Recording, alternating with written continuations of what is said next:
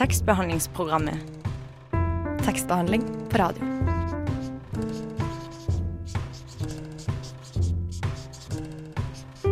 Tekstbehandlingsprogrammet.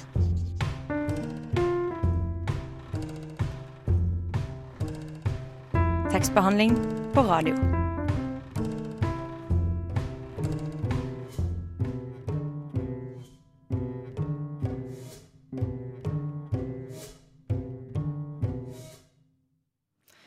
Formiddag og velkommen til tekstbehandlingsprogrammet. Jeg heter Stine, og med meg i studio så har jeg Anna. Hei, hei. eh, Og i dag eh, så får vi ikke bare én gjest, vi får to gjester. Men det er kanskje bare den ene av dem som kommer til å svare på spørsmål. Ja, vi får se. Kan komme noe.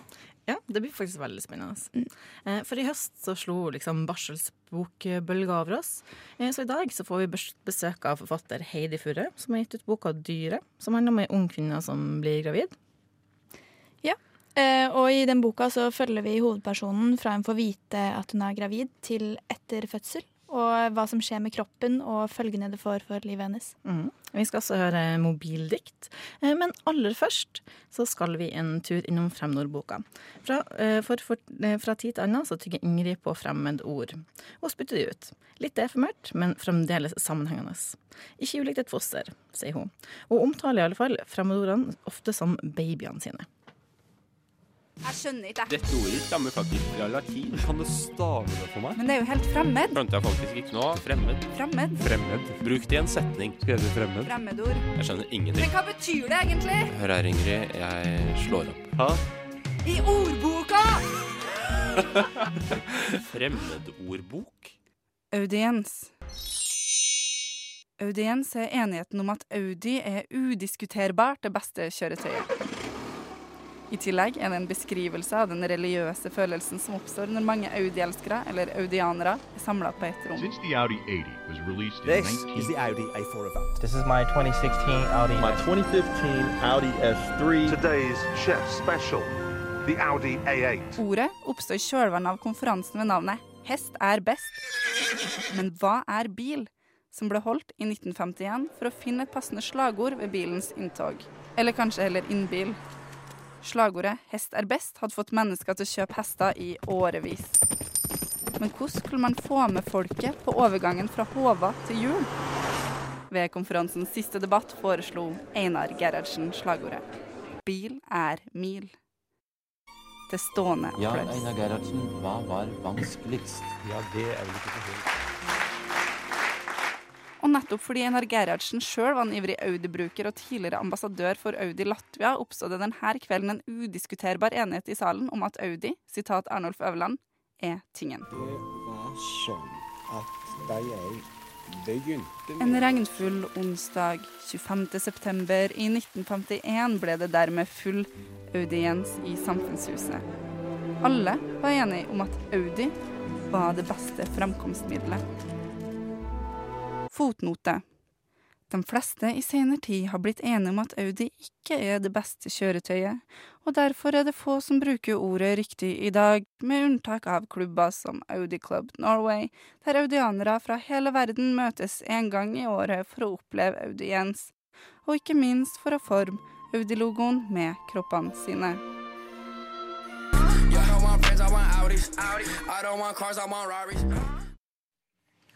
Der var vi tilbake, og nå har vi fått eh, inn dagens gjest, eller gjester, da. Velkommen til oss, Heidi Føre. Hei.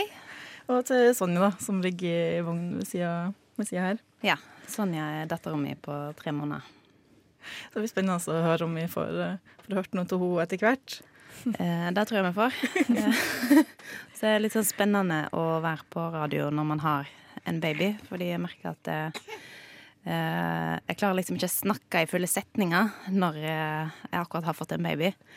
Så mm, vi får se. Det går sikkert bra. Ja, vi klarer oss nok helt fint. Eh, Du har jo tidligere gitt ut to bøker, eh, både 'Paris syndrom' og 'Ungdomsskolen', og er nå aktuell med 'Dyret'.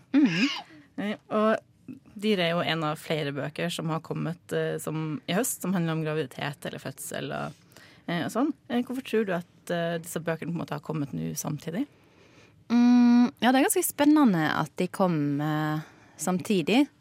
Og jeg tenker jo egentlig at eh, det er et tema som det kommer til å komme mer og mer om framover. Og det har jo sikkert litt med at eh, eh, kvinnelige kunstnere har faktisk eh, muligheten til å ha barn samtidig som de driver med kunsten sin, for eksempel. Um, det er jo ikke så Jeg tror liksom at eh, min generasjon glemmer litt hvor nytt eh, det vi har, eller den måten å være familie på. Den er veldig ny. Sånn som eh, full barnehagedekning er jo helt eh, eh, Det var jo ikke da, da jeg var barn, for eksempel. Eh, og det gir jo muligheten til oss som har barn, å jobbe med litt forskjellig. for eksempel. Mm. Du sa i Klassekampen at du lette etter litteratur om å være gravid da du selv var det. Hva Mhm. fant du? Uh, jeg fant eh, en del som jeg likte, men jeg fant liksom ikke den romanen som jeg søkte etter. For jeg tenkte at da jeg ble, ble gravid, så tenkte jeg at det fins sikkert en sånn roman som alle må lese når de blir gravid, for den er liksom pensum for gravide. Eh, men det fant jeg ikke. Eh, jeg fant eh, en helt fantastisk eh, diktsamling av Sylvia Plath som heter Tre kvinner. Den har jeg snakka veldig masse om og tenkt veldig masse på, for den er helt fantastisk. Så den vil jeg virkelig anbefale til alle. Um, så fant jeg jo veldig mye bra faglitteratur. Uh, og leste veldig masse faglitteratur, men jeg savna liksom den derre romanen med et subjektiv som var gravid. Ja, hvorfor er det viktig å skrive eller lese om graviditet i skjønnlitteratur? Altså, jeg vet ikke om det er så viktig engang, men eh, det er jo bare et tema som eh, alle andre tema, så det ville jo vært veldig rart om et så vanlig og veldig menneskelig tema ikke var representert i eh, litteraturen. Um, så jeg ble veldig overraska av at det fantes så lite. Um, ja, det var helt fascinerende. Jeg begynte liksom å lure på om jeg satt på ei gullgruve av en idé. um, men så var det veldig mange andre som satt med lignende ideer. Da. Men um, nei, jeg syns det er skikkelig spennende og fint at alle disse bøkene kom samtidig. Jeg tror det er et veldig sånn typisk uh, En sånn kollektiv mentalitet. Sånn som da jeg skrev ungdomsskolen, den forrige boka mi, så kom det jo òg en, sånn, en tegneserieroman samtidig som heter Ungdomsskolen. Um, og begge de kom sånn cirka samtidig som Skam, som var veldig sånn uh, om å være ung. Så jeg tror absolutt at man liksom går og tenker de samme tankene. Mm. Vi skal høre mer om boka di, vi skal også høre lese om litt. Eh, Men aller først så skal vi høre Pikekyss med låta 'Håpløs ukomplett'. Eh, nå skal jeg lese litt fra dyret. Um, her er jeg i starten av boka, der uh, hovedpersonen akkurat har blitt uh, gravid, og leter etter referanser i kulturen. Um, eller liksom etter gravide forbilder. Ja, bare stopp meg hvis det blir mye grin her. Det fins uendelig mange mødre og barn i kunsthistorien. Et oppbrukt motiv, nesten som stilleben av fruktfat og hovedskaller. Ofte vender barnet seg bort, mora lener seg mot barnet med blikk og med hender. Kanskje hun gir mat fra ei skje eller et bryst. Enkelte av mødrene har et tomt, fjernt blikk. De er i naturen eller i sengene, senga, liggende halvt avkledd. Disse barmfagre mødrene virker å være den eneste kulturelle referansen min. Eller Rosemary, som går rundt med djevelbarnet i magen. Tenker på alle mødrene jeg kjenner. Før var de ingenting annet enn mødre. Mødrene til venninner var bare trygge skygger. Det fantes bilder av mamma før hun fikk meg, men det var liksom ikke henne. Lenge trodde jeg at mamma var udødelig, fram til den augustdagen hun fortalte meg at lady Diana var død.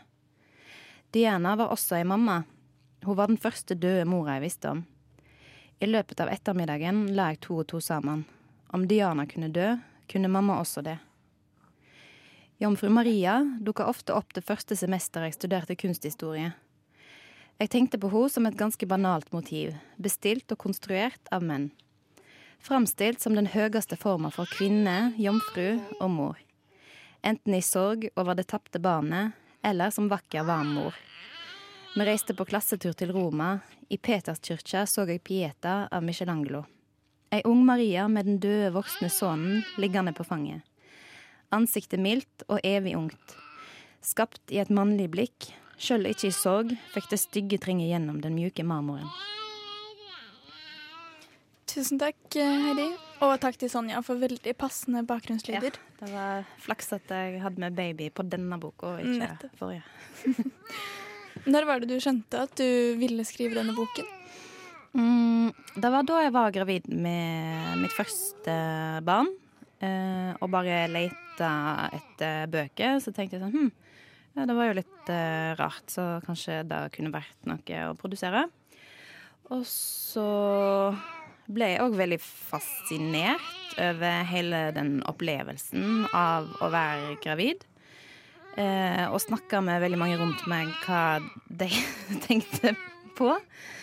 Eh, men eh, så fikk jeg jo en baby, og så ble det veldig vanskelig å liksom få gjort noe med alle de tankene. Så etter litt tid så begynte jeg liksom å prøve å skrive noe av alt det jeg hadde samla meg opp av tanker og ja, det jeg mente eh, litteraturhistorien savna om eh, tematikken. Ja, hvor mye har du egentlig brukt av egen graviditet i dyret? Eh, jeg har heldigvis hatt veldig fine graviditeter, og hun i dyret har jo ja, helt andre utfordringer enn det jeg har hatt. Uh, hun har eh, ganske utrygge rammer rundt seg. Hun har ikke rett på foreldrepenger. Um, ja, og har heller ikke en leilighet. Hun bor hun bor i et kollektiv. Um, så heldigvis um, har jeg hatt, uh, hatt det litt bedre enn hun har hatt det. Men uh, jeg tror at um, alle som er gravide, har en del angst. Um, og at den angsten er veldig Det er liksom en del av å bli mor. Å ha veldig masse bekymring og veldig masse angst. Det ligger liksom djupt i oss for at vi skal klare å ta vare på barna våre. Hvordan føles det å skulle slippe inn eh, masse folk i de tankene og noe som er så nære? Um, nei, det har egentlig vært uh, helt uh, Jeg føler ikke at jeg er i den boka, så jeg føler meg veldig sånn frigjort fra uh, hovedpersonen. og det er jo veldig viktig. Um, jeg lar jo på en måte hovedpersonen min gjøre en del feil, og hun tenker tanker som kanskje er feil, og Eh, jeg er jo heldigvis ikke en romankarakter, og jeg prøver jo å gjøre mitt beste. og det er liksom den eh, store, viktige forskjellen. Så ja, nei, jeg tenker ikke så veldig masse på hvor jeg står i forhold til boka, for jeg føler ikke at, eh, at jeg er der. Ja. Nå skal vi høre en sang som du har valgt, Roll Girl med Dear Jessie. Og hvorfor har du valgt denne låta? Ja, um, jeg har valgt litt sånn uh, låter fra gamle dager. Um, dette albumet av Roller Girl var et av favorittalbumene mine på ungdomsskolen. Som jeg har hørt på helt sjukt mange timer. Uh, og det er veldig sjelden jeg hører et helt album nå. Og hvis jeg gjør det, så hører jeg det kanskje én eller to ganger. Så um, dette blir en sånn albumkavalkade. Nå får vi først Roller Girl.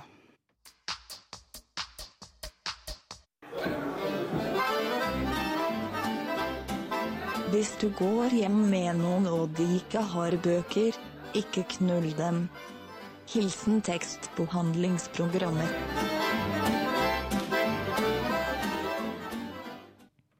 Vi hørte akkurat Roller Girl med Dear Jessie. Eh, og Heidi Furre, du er fortsatt på besøk her hos oss, mm. sammen med Sonja også. Eh, og, i et intervju med Tønsbergs Blad så ble du på en måte spurt om kritikken mot liksom, barselsbøker eller bøkene om graviditet som har kommet i høst. Mm. Eh, og at de blir på en måte kalt å være navlebeskuende og sånn. Eh, og da svarte du på en måte med et spørsmål. Eh, hvorfor, er ikke dette like, hvorfor er ikke dette viktige menneskelige erfaringer på lik linje med menns oppvekst på 60-tallet? Eh, hva med liksom, graviditet er, jeg tenker du er interessant eller viktig for for alle, eller for også de som ikke kan bli gravide, eller ikke blir det som menn, da? Eh, ja, jeg syns det. Eh, og hvis jeg hadde vært en mann og ikke kunne bli gravid, så hadde jeg syntes det hadde vært veldig fascinerende og spennende. Um, og så er det liksom et eller annet spesielt det der med, med fødsel, eh, som er kanskje Det er jo ingen av oss som vet hvordan det føles å dø. Men fødsel er kanskje det nærmeste et menneske kan oppleve for å liksom få en liten anelse av hva det innebærer. Um, og det er jo super Jeg syns det er kjempespennende. Um, og syns det er veldig lite Det der med fødsel er veldig sånn akkurat som at det er kun sånn kloke koner som kan fortelle om det. Det er veldig lite som står skrevet ned. Um, med liksom gode beskrivelser av fødsel. Så jeg har um, ja, leita mye, og egentlig funnet ut at um, uh, det fins en podkast som heter Vatnet går. Uh, det er liksom den kanalen der jeg har funnet mest sånn helt konkret og veldig ærlig informasjon om, um, om fødsel. Og jeg syns det er kjempespennende. Alle burde høre på det. Masse ting som jeg ikke visste fra før, som tydeligvis ikke er allmennkunnskap. Mm. Og i boken så sier jo også hovedpersonen at dersom menn var gravide, så ville ikke de bøkene hun leser om graviditet, vært skrevet for ti år siden. Hva mener hun med det, tror du? Eller tenker du? Um, ja, det blir veldig spennende å tenke på hvordan det hadde vært hvis menn var gravide. Um, ja, da tror jeg jo at um, Nei, det blir jo et veldig sånn spesielt tankeeksperiment. Da hadde jo det vært veldig allment. Um, sannsynligvis. Men uh, ordene barnevognsmafia og småbarnshysteri blir jo også nevnt i boka di. Uh, og gjerne brukt om kvinner, mens menn med barnevogn blir hedret. Ja. Noe sånt sier hovedpersonen. Uh, men hva tenker du er grunnen til denne forskjellen? Um, jeg tror det er veldig sånn lett å snakke ned sånne veldig kvinnelige erfaringer. Veldig lett å latterliggjøre de. Uh, og sånn Jeg syns òg det ble litt sånn det språket man brukte um, når den barselbølgen kom i høst. At det var veldig sånn på sånn kroppsvæskenivå, sånn en tsunami av brystmelk og uh, sting i underlivet. At det liksom skulle være litt sånn humoraktig.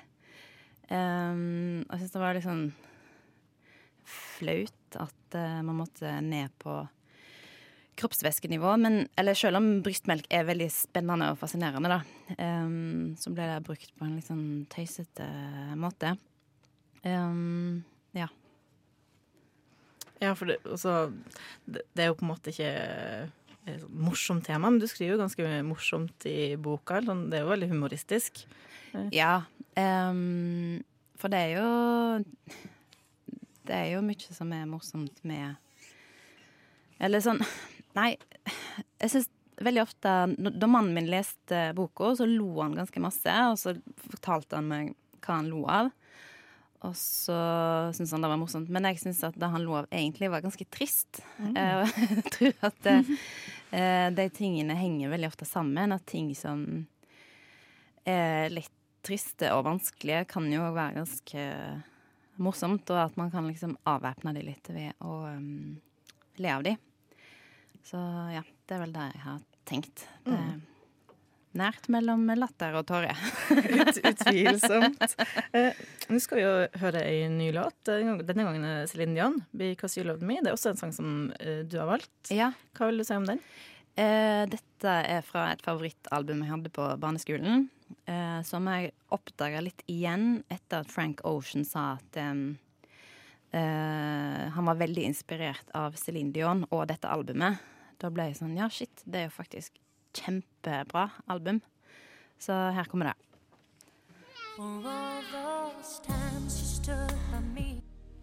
Her i tekstbehandlingsprogrammet så har vi fortsatt besøk av forfatter Heidi Furre. Eh, og vi snakka litt generelt om graviditet og det som, som er tema for boka Dyret. Eh, men for å gå litt nærmere på selve boka, eh, så er vi jo mye inne i hodet på hovedpersonen, som har blitt gravid relativt kort tid inn i et nytt forhold. og så går vi jo da fra liksom, litt ytre til, eh, til indre sånn tankestrøm. Eh, er det på en måte et bilde eh, av at hun måtte føle seg alene med alt det nye som skjer med henne? Eh, ja. Eh, da jeg eh, gjorde forarbeidet til å skrive boka, og liksom snakka litt med folk hva de hadde savna å lese om som gravide, så var det mest eh, ensomhet som, som de hadde savna å liksom forstå hvor ensomt det kan være. Og det var veldig sånn uavhengig av livssituasjonen, om de faktisk var ensomme, eller om de hadde et stort eh, nettverk eh, rundt seg. Så er det en veldig sånn ensom tilstand. Eh, du klarer liksom ikke helt å dele den med noen andre, og det er veldig sånn lukka intenst inni kroppen din. Eh, og jeg hadde liksom savna å lese ja, en sånn tankestrøm av en eh, gravid person. Eh, bare jeg var veldig sånn nysgjerrig på hva gravide drev og tenkte på. Jeg visste ikke at uh, man tenkte på så masse rart når man uh, var gravid. Og var liksom mest fascinert av da. Så det var den derre ja, Jeg ville ha et sånn veldig sterkt subjektiv um, å lese om sjøl. Så da skrev jeg det, da. Mm. Men boka går jo fra å handle veldig mye om vennskapet mellom hovedpersonen og venninnen Henny. Mm. Og så glir det litt mer over i voksenlivet som følger den graviditeten. Mm. Hva er det som skjer med deres vennskap? Jeg tenker at det er et veldig sånn vanlig og realistisk bilde på hva som skjer med venner i ulike livssituasjoner. Eh, og i boka så har jo de begge to har drevet med dans, eh, som er veldig sånn uforenlig med graviditet. Eh, som gjør at de liksom mister litt sånn felles plattform. Um, for da har jo sånn som i den TV-serien Friends, så er det jo flere babyer som dukker opp i løpet av den serien. Men man ser de liksom ikke, og alt går liksom veldig bra likevel. Og det er ingen som blir uh, uvenner eller glir fra hverandre av den grunn. Men eh, jeg tror at det er mye mer realistisk å miste kontakten hvis eh, man har fått et barn, enn da de er i Friends, da. Så jeg var egentlig litt inspirert av Friends. Eh, Du har jo på en måte tidligere også Eller du har på en måte skrevet deg gjennom flere faser av, av en kvinnes liv eh, med de tidligere bøkene dine, 'Ungdomsskolen' og 'Paris-syndromet'. Eh, Mm. Tror du at det er de samme folkene som har lest de tidligere bøkene dine, som leser denne? Eh, ja, sikkert en del av de samme. Og jeg håper jo selvfølgelig at, em, at jeg liksom får en sånn fast leserskare. Men eh, det hadde jo vært kjempegøy om, om andre ville lese òg. Om man kunne liksom nå ja, flest mulig, kanskje alle i hele verden. det hadde vært fint. Du har med noen utdrag fra Bodil Malmstens diktsamling 'Det her er hjertat'. Mm. Eh, hva slags funksjon ville du at disse skulle ha? Mm, jeg vil eh, Jeg syns at diktet er ganske åpent. Eh, og jeg tror at det kan bety veldig eh, forskjellige ting for veldig mange. Sånn som i Ja, men rett før fødselen så står det vel 'Kom tilbake, kom tilbaks'. Som jeg syns var spennende å ha rett før en fødsel, eller hvem er det som skal komme tilbake, og hva er det som kan komme tilbake. Ja.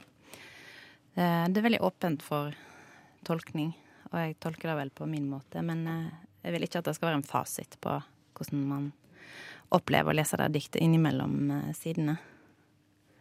Mm. Når vi først på en måte er inne i boka, så tenkte vi at vi kanskje kunne lese litt mer. Mhm. Da kan jeg. Eh, da leser jeg fra ja, mot slutten av graviditeten, da. Når eh, hovedpersonen går rundt i verden i den der klaustrofobiske tilstanden sin. Jeg tror jeg har hatt et unnskyldende kroppsspråk hele livet, som samler beina dersom noen tar sete ved sida av meg på bussen. Som ler vennlig dersom jeg møter et menneske som gjør meg usikker. Som flytter meg dersom noen kommer imot meg på et fortau. Som er først til å tilby meg å rydde av bordet i et selskap. Jeg glatter over, tilpasser meg omgivnadene. Men akkurat nå har jeg ikke lyst til å flytte meg. Jeg er stiv i bekkenet, hoftene er ømme. Går på venstre side av fortauet. En mann kommer imot meg. Jeg ser han, men krever plassen min. Hell meg på venstre side. Viser ingen tegn til å svinge. Han går rett inn i meg, og jeg ser at han har noe mørkt i øynene. Han peker på andre sida av fortauet og sier det er de side. Det er seint om kvelden, ingen andre er rundt oss. Jeg blir stående, hendene beskytter magen. Kan han være farlig? Kan han skade meg og barnet? Så klart han kan det. Jeg skifter side. Flytter meg, men bare for å ikke utsette barnet mitt for fare. Hjertet dundrer, mest av sinne. Kroppen min tar mer plass enn han var tildelt. Hvordan kunne jeg tro at gatene tilhørte meg? Kjenner hvordan magen strammer seg. Han gjør det hver gang jeg er stressa. Det ligger ei jente inni der. Allerede før hun er født, må hun flytte på seg. Det er ikke første gang jeg, jeg er redd i offentlige rom. Slik har det vært siden jeg var 15, da jeg fikk det første klapset på rumpa av en framand. Forklarte det for meg sjøl med at jeg så eldre ut enn jeg var. Men jeg har trodd at gravide var fritatt fra det mannlige blikket, ute av stand til å provosere eller attrahere. Jeg har tatt feil. Det at jeg krever min plass, er selvsagt en trussel. At jeg er større enn mannen, dobbelt så mye menneske. Det må få den vesle mannen til å kjenne seg enda mindre. Vet at også den ufødte kvinnekroppen vil bli avgrensa på et tidspunkt. Han vil oppleve jevne glimt av forakt fra omverdenen før det splitter over til han sjøl. Jeg bestemmer meg. Skal aldri mer forakte det som har skapt barnet mitt. Tusen takk for det. Eh, Nå går vi over på en eh, annen sang som du også har valgt, da. Den Mhm. siste. Eh, 'Annie med Heartbeat'. Ja, dette er litt eh, nyere musikk. Fra et eh, favorittalbum jeg hadde på eh, videregående. em, som er norske Annie, som har et helt fantastisk eh, album. Og denne sangen er jo bare helt magisk.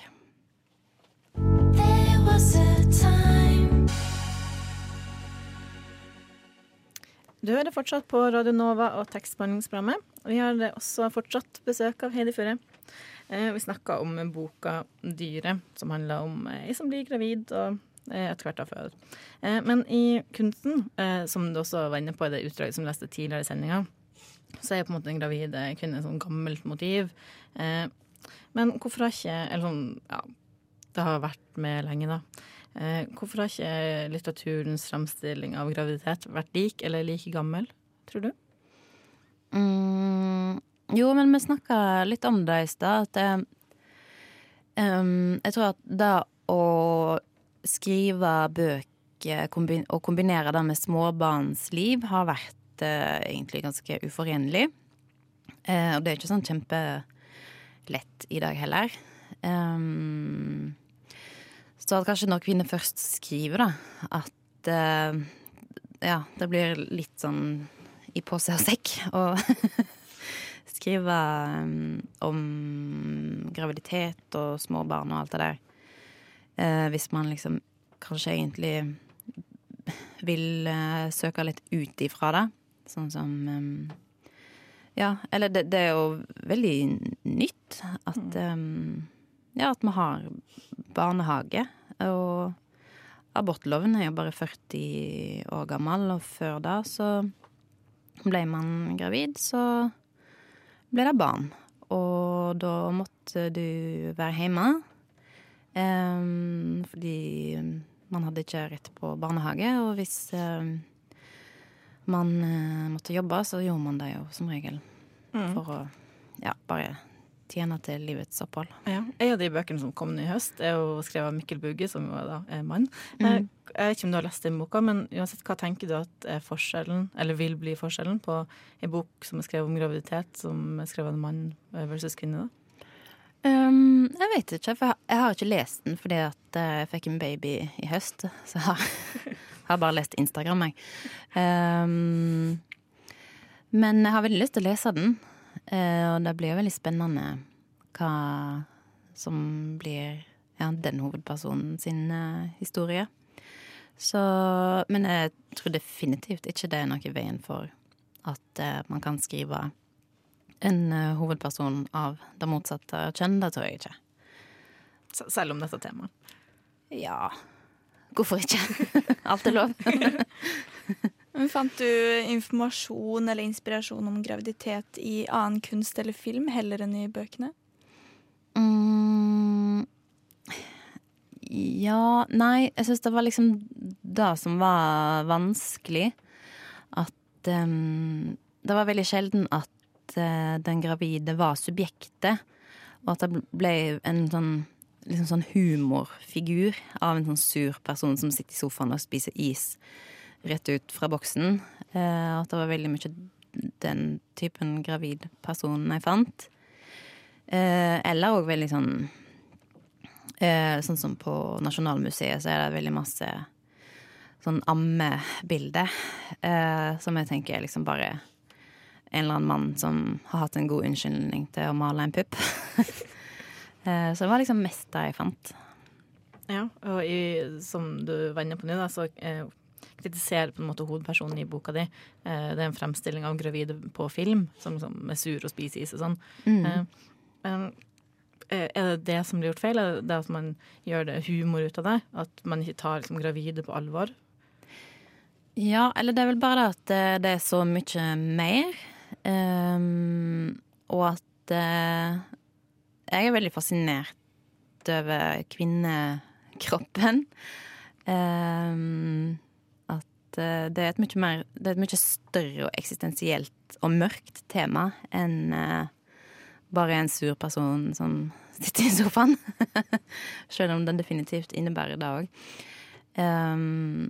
og at um, Ja, nei, men eh, jeg tror at jeg, jeg var nok en um, mer likhetsfeminist før. uh, der jeg tenkte at eh, man, kvinner og menn var sånn cirka ganske like, og at det, det var urettferdig å gjøre forskjell. Mens nå har jeg nok blitt eh, mindre likhetsfeminist enn der jeg var før. Etter å liksom ha Ja, men liksom oppdaga at eh, det å være eh, kvinne og ha en kvinnekropp eh, og ha livmor innebærer ganske mange rare ting. Og både fordeler og ulemper. Um, ja, og det var liksom det jeg ville forske i. Mm. Eh, Nå skal eh, vi sende deg, kjære lytter, til Brooklyn. Eh, her kommer eh, artisten Daedra in the Dark med låta Bad Day. Du hørte akkurat eh, Daedra in the Dark med Bad Day fra Radio Novas A-liste.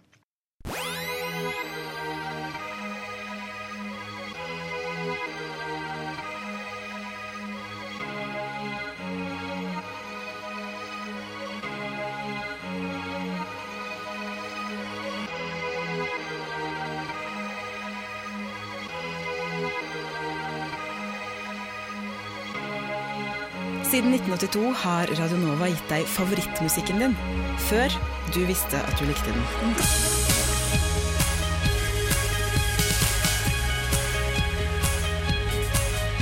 I Sekspenningsprogrammet så snakka vi om graviditet og boka 'Dyret' med Heidi Furre, som har forfatta navnet bok. Eh, vi, du nevnte litt det her tidligere i sendinga, eh, men hovedpersonen sier blant annet eh, alle jeg snakker med, snakker i koder om graviditeter. Eh, hva er det med graviditet som gjør at informasjon formidles så, så vagt at det liksom er kloke koner som, som liksom har kunnskapen om den? Mm, ja, det er litt sånn spennende det der at alt er veldig sånn Men det har jo mye med at i ei fagbok så må du skrive ganske sånn generelt. Eh, det blir veldig vanskelig å være eh, liksom personlig eller um, veldig spesifikk i en fagbok. Eh, så veldig mye av informasjonsflyten er veldig sånn generell, sånn cirka i midten av det man har å forvente. Um, og det blir jo egentlig ganske tynt, sånn som um, Ja, men da, da jeg opplevde min første fødsel, så hadde jeg aldri hørt om en sånn fødsel som, som ligna på den, på en måte. Uh, og syns det er så eh, rart, for det er jo en helt vanlig ting. Um, og at det blir veldig muntlig. Eh, det som er mest interessant, får man ofte overlevert muntlig. Um, at eh, Ja, det fins liksom ikke plass En sånn plass å søke den um, virkelig spennende, saftige informasjonen som uh, man vil ha. Mm. Det har jo også, graviditet har jo også, eller gravide har jo også kanskje ofte blitt fremstilt visuelt da, i, i kunst og sånn tidligere. Jeg tror det kan ha noe med uh, Og så da veldig vagt, da, ikke så mye, og kanskje ikke sånn noe om det indre som man opplever, og forandring og sånn. Jeg tror du kanskje det har noe å gjøre med at man også i litteraturen fortsatt kanskje er litt redd for liksom, stygge ting som skjer med kroppen, eller eh, sånn, når det gjelder kvinner. Ja, eller det er i hvert fall veldig um, spennende at eh, man Når man har vokst opp som kvinne, så får man kanskje et inntrykk av at man skal være eh, liten og søt og pen og uh, liksom ikke ta for masse plass. Og at alt som skjer når man er gravid og føder, er liksom det totalt motsatte. Man blir stor. eh, og, og, man får stor mage, som er liksom eh, den eneste kroppsdelen man blir fortalt ikke skal være stor. Uh, man kan liksom ha typ stor alt annet. Stor, store pupper og store lepper og stor rumpe, men man skal ikke ha stor mage. Uh, og så får man plutselig det, og så er det liksom um, det motsatte av der man liksom skal være. og kanskje det er liksom derfor Um, at uh, Ja, men sånn som amming, at det da kan provosere fordi man tar ut puppen, og plutselig er den ikke seksuell. Den er faktisk bare en sånn bruksting, og da må man bare for guds skyld ikke gjøre det. Da er det uh, ekkelt. Det er kanskje et dumt spørsmål som en mann aldri hadde fått. Men hvordan kombinerer man det å være forfatter og småbarnsmor? Um, ja, jeg har jo tenkt, brukt masse tid på å tenke hvordan jeg skal få det til å fungere.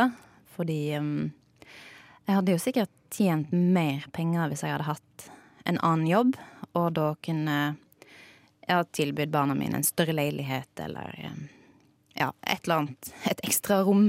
Uh, så da har jeg tenkt en del på om uh, det er verdt det. Men um, det blir veldig urettferdig um, hvis um, man ikke skal få lov å skrive fordi man uh, har barn. Men det er jo en, en uh, del av det, da. At man tar uh, det ansvaret man skal ta når man har et barn. Så det er ganske vanskelig, men veldig fint òg. Um, fordi når jeg sitter og skriver, så sitter jeg jo helt alene og er veldig konsentrert. Og um, fokusert og kan tenke ganske lange tankerekker uten å bli avbrutt.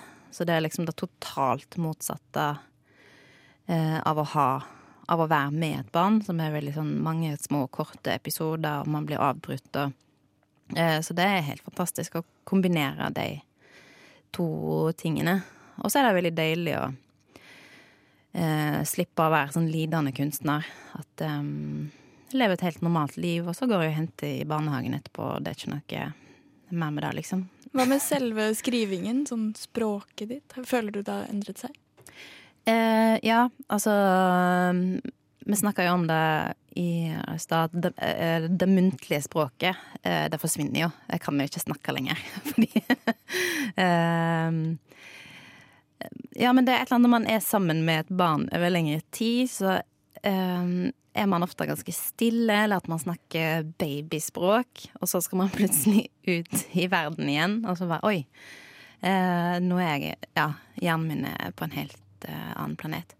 Men eh, sånn eh, eh, tankemessig så er det veldig spennende, for jeg sitter jo veldig masse bare helt i ro og får tid til å tenke masse når jeg ammer eller triller barnevogn. Og det er jo veldig interessant i dagens samfunn At jeg får mye ro. Mm. Ja, det var dessverre alt vi rakk i dag, Heidi. Tusen takk for at du kom til oss. Takk. Det var veldig hyggelig å være her. Hei, jeg heter Aune, og høre på Noen tekstbehandlingsprogrammet. bruker flere dager på å skrive Fordi ferdig kunnskap og viten Men August er har det fått god hjelp og har ført en del dype dikt. Og nå skal vi høre August lese opp ett eh, som er skrevet av telefonen hans.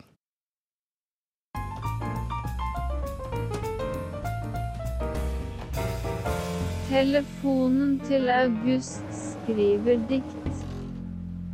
Folk vil vel heller ta del i et hjernedødt sosialt spill, sier jeg, enn å spille for å gjøre verden til et bedre sted. Ikke lir av deg en nedlatende vittighet nå om at uh, spill ikke gjør folk voldeligere. Jeg vil gjerne at Midtøsten skal bli et bedre sted, jeg, og jeg har ikke noe bedre løsning, sier den hjernedøde og ønsker bekreftelse på at ingen andre har det heller. Hadde ikke jeg noe å si, eller er jeg bare en del av denne store Nei, altså. Jeg ønsker ikke at folk skal få skjønnssykdommer på seg heller. Eller pest og kolera. Cardi B, Taylor Swift og Gwen Stefani og en hel del andre har jo Nei, sa jeg. I dagens samfunn er det jo bedre å spille spill av en voldelig karakter istedenfor typen ørkenvandring. Jeg mener gjennom ulike perspektiver på rasjonelle aktører og sosialt bytte, altruisme, Nei, du vet hvor frivillig arbeid både ses på noe som en gjør, og eller noe en er. Som burde gi et helhetlig bilde på eh, medborgerskapet, sier jeg jo. Og av tilliten til at folk skal ta ansvar og delta aktivt i fellesskapet. Men jeg skulle ønske at jeg kunne spille et spill hvor det bl.a. var en pauseknapp i ny og ne. Og jeg skulle ønske at jeg spilte et spill hvor det ikke var faste tider og Nei, jo, altså Det er jo en stor forskjell på et fengslende spill og et fengselsspill. Og det føles ut som om alle andre er bedre enn meg i alt. Jeg kan godt forstå at noen velger å la seg bli blasert, jeg. Det kan de vel. Jeg forstår det, og jeg vil aldri dømme noen for å si det. Men det skal man liksom ikke si høyt. Og derfor innfører regjeringen vår grønne sertifikater, slik at vi kan puste i dette kaoset her. Jeg mener man bør spille for å ha det gøy en gang iblant. Altså, jeg mener at man har samtaler på et sted man kan komme til, og ikke bak en låst dør for en gangs skyld. For det å se andre mennesker uten at det fører til sosiale Nei, altså Jo, ja. Folk vil vel heller ha et hjernedødt sosialt spill.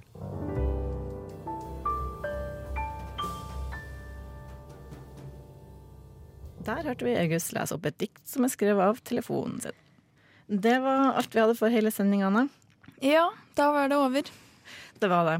Neste uke er vi tilbake med årets siste sending. Og det blir Det blir en slags julesending. Ja. Den er ikke helt i boks ennå, men det blir noe om jul, i alle fall. Det er vi helt sikre på. Eh, hvis du for den tid vil høre mer på oss, så finner du oss eh, på, på radio. På Eller podkastapper. Absolutt. Der finner du oss kanskje aller mest gamle episoder og nye, sånn som denne. Du kan også følge oss på eh, internett på sosiale medier. Vi heter som regel Tekstbehandlingsprogrammet eller Tekstbehandlingsprog hvis eh, du begrenser oss for å ha med hele navnet. Så følg oss gjerne på Instagram og Facebook.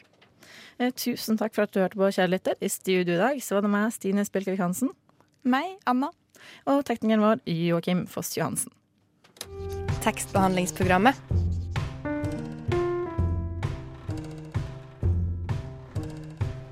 Tekstbehandling på radio.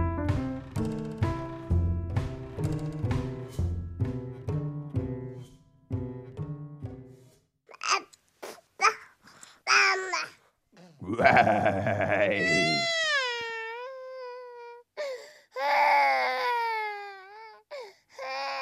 Nova kommer og tar deg.